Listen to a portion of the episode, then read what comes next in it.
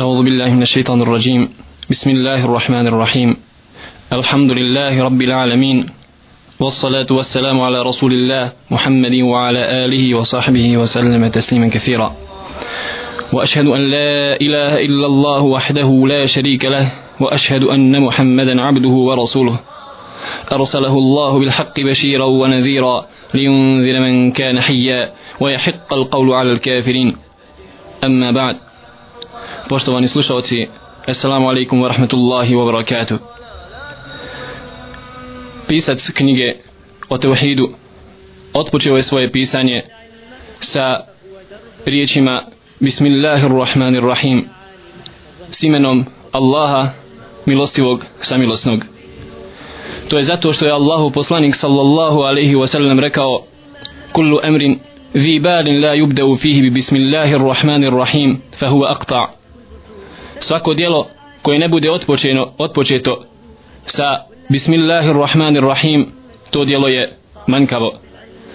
Iako određeni broj muhaddisa kaže za ovaj hadith Allahu poslanika sallallahu alaihi wasallam koga bilježi Ibn Hibban i Abu Dawud i Ahmed da je slab može se reći da je dozvoljeno slijediti ovaj hadith Allahu poslanika sallallahu alaihi wasallam da se odpočinje svako djelo sa bismilom zato što je Allahu poslanik sallallahu alaihi wasallam otpočinjao određeni broj dijela sa bismilom kao što je otpočinjao pisati pisma vladarima kako je to došao hadis u sahih Bukhari od Ibn Abbasa radijallahu ta'ala anhuma koga je prenio od Ebu Sufjana radijallahu ta'ala anhu da je Allahu poslanik sallallahu alaihi wasallam otpočeo svoje pismo upućeno Heraklu vizantijskom kralju sa riječima Bismillahirrahmanirrahim a što se tiče sami Bismille islamski učenjaci se složili da je Bismillah ajet i dio sure An-Naml. A što se tiče ostalih sura ono što je ispravno kod islamskih učenjaka jeste da sama bismillah nije dio ni jedne druge sure nego je ona poseban ajet koji je spušten da bi se razgraničilo kraj odnosno početak sure. Tako kaže Ibn Abbas radijallahu ta'ala anhuma da je Allah da mi nismo znali ashabi da nismo znali gdje je kraj a gdje je početak sure sve dok nije uzvišeni Allah spustio Allahom poslaniku sallallahu alaihi wasallam sallam ovaj ajet Bismillahirrahmanirrahim a što se tiče značenja same Bismillah treba da znamo da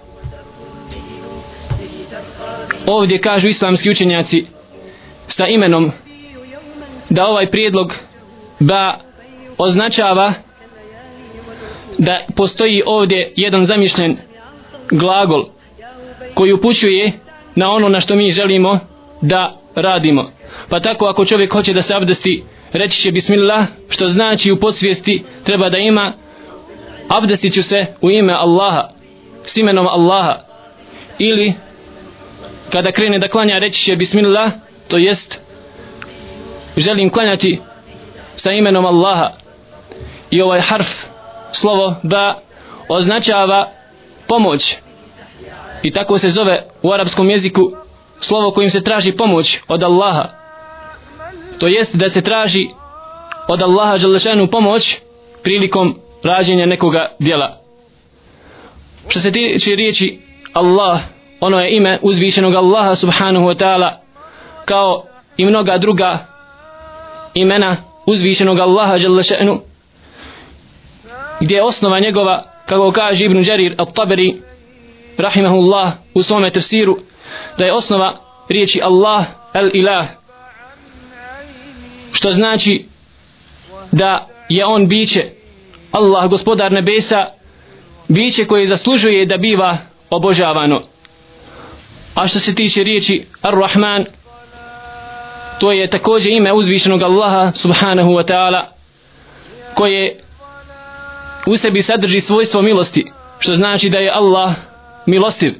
Ali ima općenito značenje da je milostiv i prema vjernicima i prema nevjernicima tako i nevjernici uživaju u milosti Allaha na taj način što uživaju njegove blagodati griju se na njegovom suncu jedu njegovu hranu ali Ar-Rahim isto tako da je milostiv ima suženo značenje što znači da se milost Allaha subhanahu wa ta'ala odnosi samo na vjernike na sudnjem danu. Zamislite draga braćo i sestre čovjeka koji ide od Sarajeva magistralnim putem za Zenicu i juri 120 km na čas. I zaustavi ga policija i pita odakle si krenuo? On kaže ne znam. Kuda ideš? Kaže ne znam. A znaš li zašto smo te zaustavili? Kaže isto tako ne znam. Šta reći za ovog čovjeka? Ili da je lud ili da je pijen. Tako isto imate ljudi koji hodaju 60 godina po ovoj planeti. Ako ih budeš upitao znaš li odakle si došao reći će da ne zna znaš li zašto si ovdje na ovom svijetu? Reći će da ne zna. Ako ga upitaš znaš li gdje ćeš posle smrti? Reći će da ne zna. To su oni koji uzvišeni Allah subhanahu wa ta'ala opisao lahum kulubun la jafqahune biha. Oni srca imaju ali sa njima ne razmišljaju. Wa lahum a'yunun la yubsiruna biha. I oni imaju oči ali ne vide njima.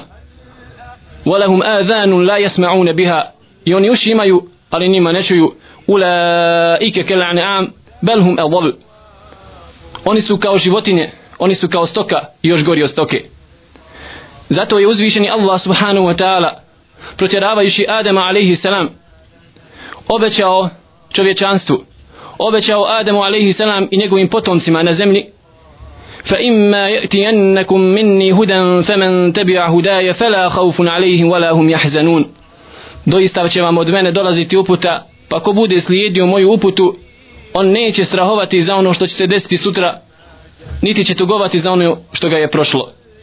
Tako je uzvišeni Allah subhanahu wa ta'ala ispunio svoje obećanje i slavo je poslanike. A zašto su dolazili poslanici? Zašto je čovječanstvo bilo potrebno poslanicima i dolaskom dolasku njihovom? Pogledajte draga braćo i sestre čovjek je došao ovdje na Dunjaluk. Nikoga nije pitao u kojoj državi će se roditi. Nikoga nije pitao kakvu boju kože će nositi. Nikoga nije pitao ni ko će mu biti otac niti mati. Nikoga nije pitao će li biti bogat ili siromašan. Da li će biti visok toliko ili nizak. Da li će biti zdrav ili bolestan. Da li će biti ovakav ili onakav. Sve najvažnije stvari u čovjekovom životu ako pogledamo vidjet ćemo da su se desile bez njegovog bez njegove volje. Niti upliva, niti upliva s njegove strane. Tako onaj koji je silom doveden ovdje na ovaj dunjaluk a vidimo da smo silom dovedeni jer niko nas nije pitao kada ćemo se roditi. Zašto nismo rođeni prije stotinu godina ili za stotinu godina kasnije nego baš u ovome vremenu? Niko nas nije pitao. Znači onaj koji je silom doveden ovdje na ovaj dunjaluk ne zna i ne može naći odgovor zašto je došao ovdje i odakle je došao i kuda treba da ide. Zato što je on prisiljen da biva i da živi na ovom dunjaluku. Zato onaj koga je doveo ovdje obećao je Adamu alaihi selam i njegovim potomcima da će slati poslanike koji će mu odgovoriti na ova pitanja koji će mu znati naći rješenje i odgovore na ono što ga muči. Zato su dolazili poslanici koji su pozivali jednoj zajedničkoj stvari a to je ibadet Allahu subhanahu wa ta'ala koji su došli da objasne ljudima cilj njihovog bivanja ovdje na Dunjaluku i to je ono što kaže uzvišeni Allah subhanahu wa ta'ala لقد أرسلنا نوحا إلى قومه فقال يا قوم اعبدوا الله ما لكم من إله غيره mi smo poslali Nuha alaihi salam pa je rekao svome narodu o moj narode obožavajte Allaha činite mu ibadet Vi nemate drugog istinskog božanstva koje zaslužuje da biva obožavano mimo njega.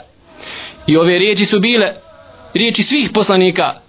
I ako pogledate kroz Kur'an vidjet ćete iste riječi kod Šuajba, vidjet ćete kod Huda Saliha i mnogih drugih poslanika.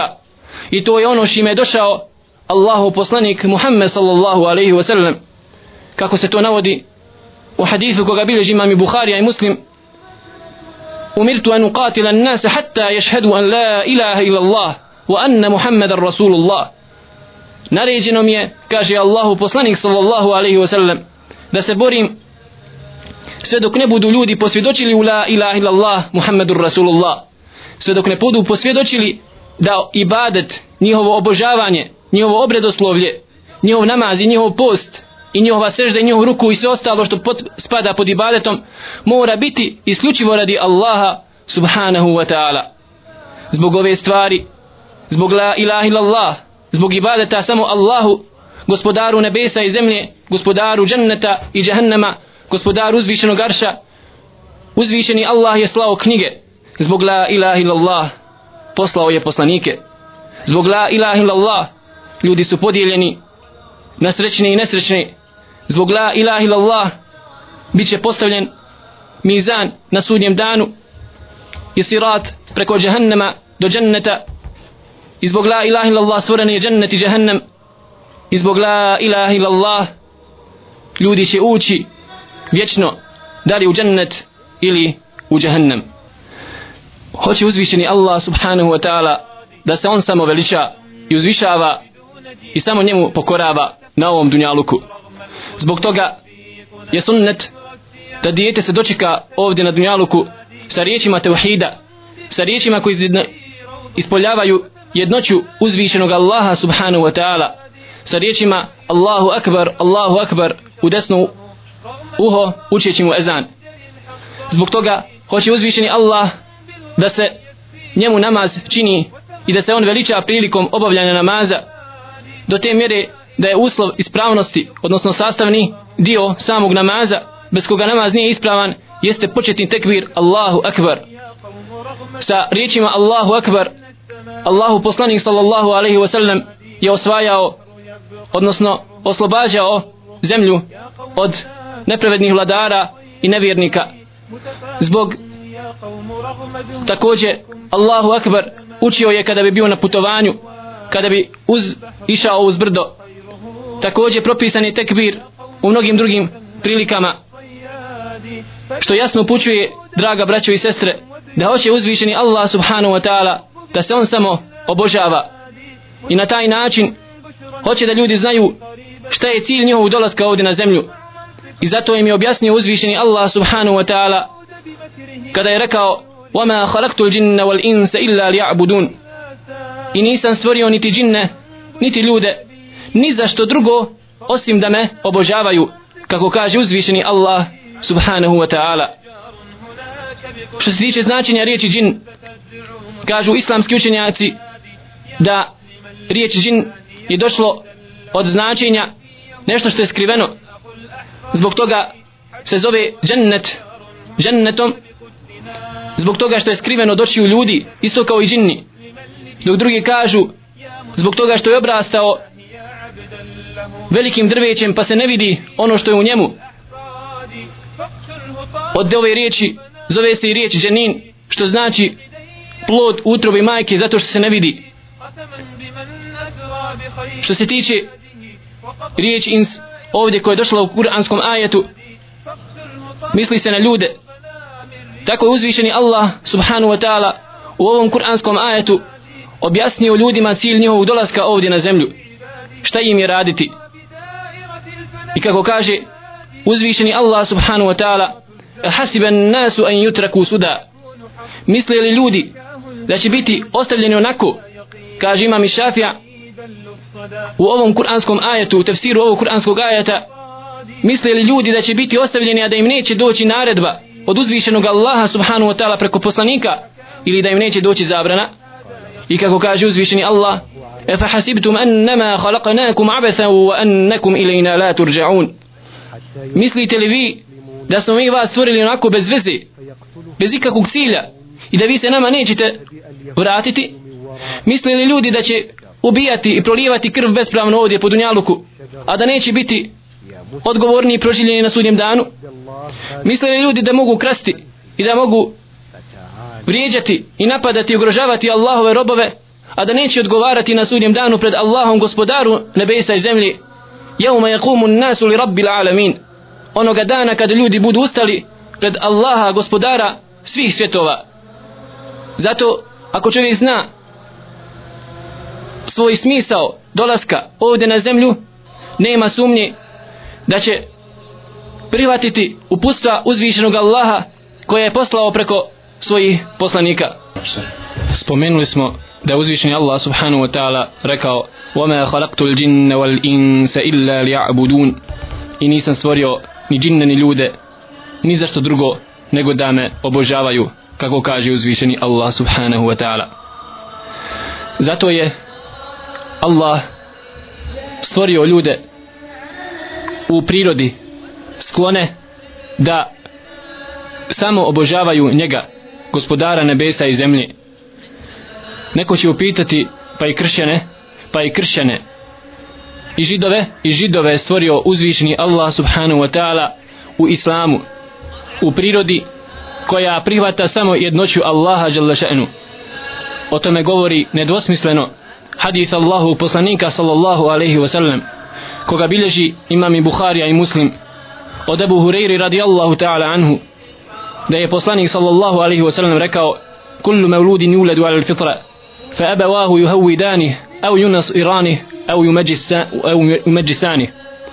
Kako kaže Allahu poslanik sallallahu alaihi wa sallam svako dijete se rađa u islamu u prirodnoj vjeri u tevhidu sklona duša da bude samo muslimanska duša.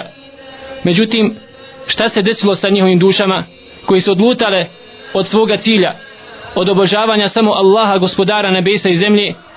Febevahu juhavidani au yunasirani au yumeđisani ali ga njegovi roditelji učine židovom ili kršćaninom ili međusijom vatropoklonikom.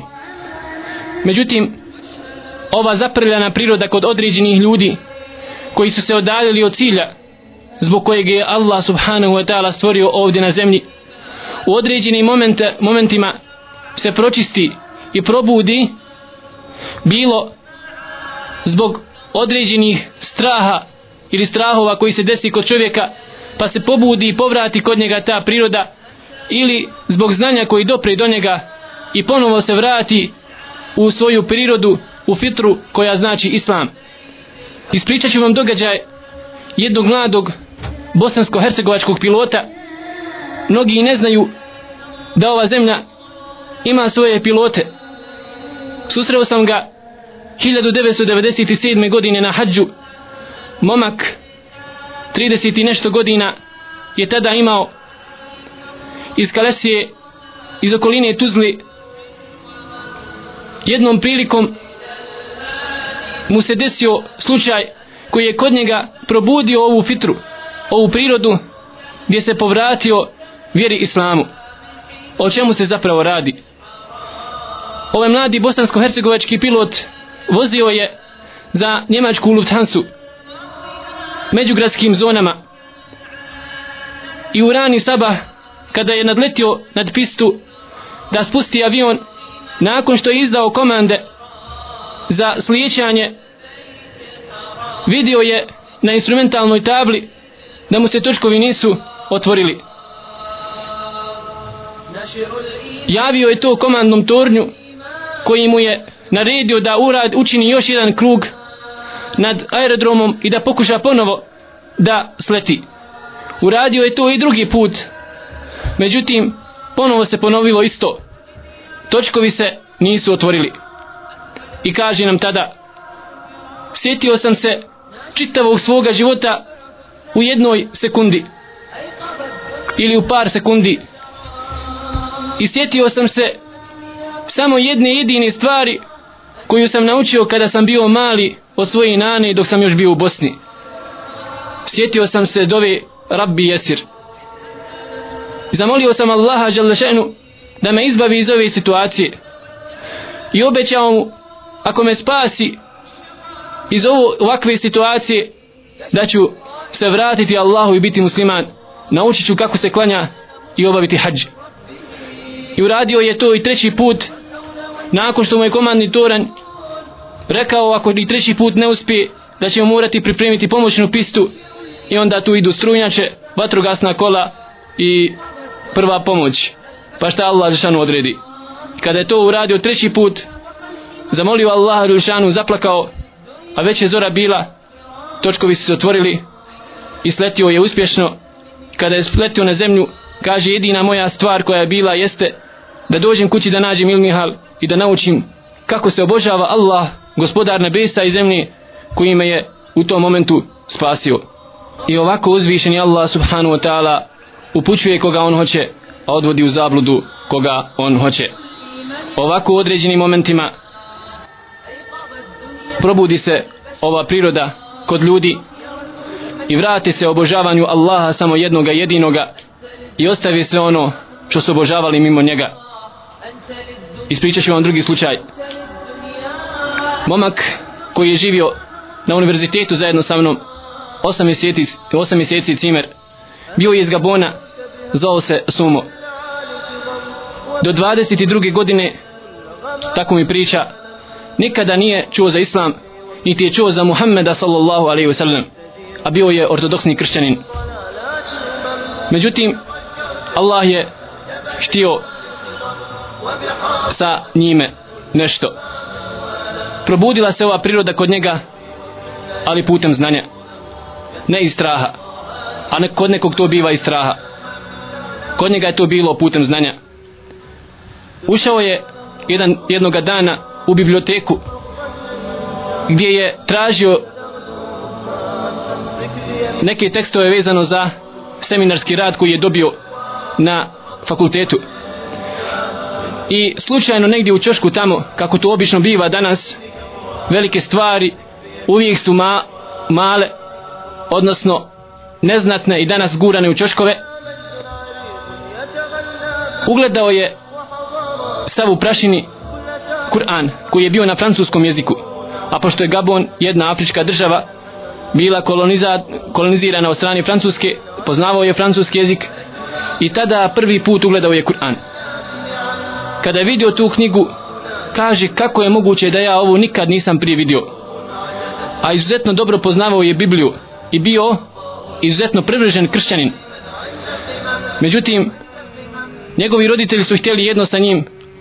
Učinili su ga kršćaninom ali uzvišen Allah je htio nešto drugo. Mjesec dana kaže čitao sam dan noć skoro da nisam spavao. Samo sam čitao Bibliju na jednoj strani a na drugoj strani Kur'an. I vidio sam da je istina ono što je u Kur'anu.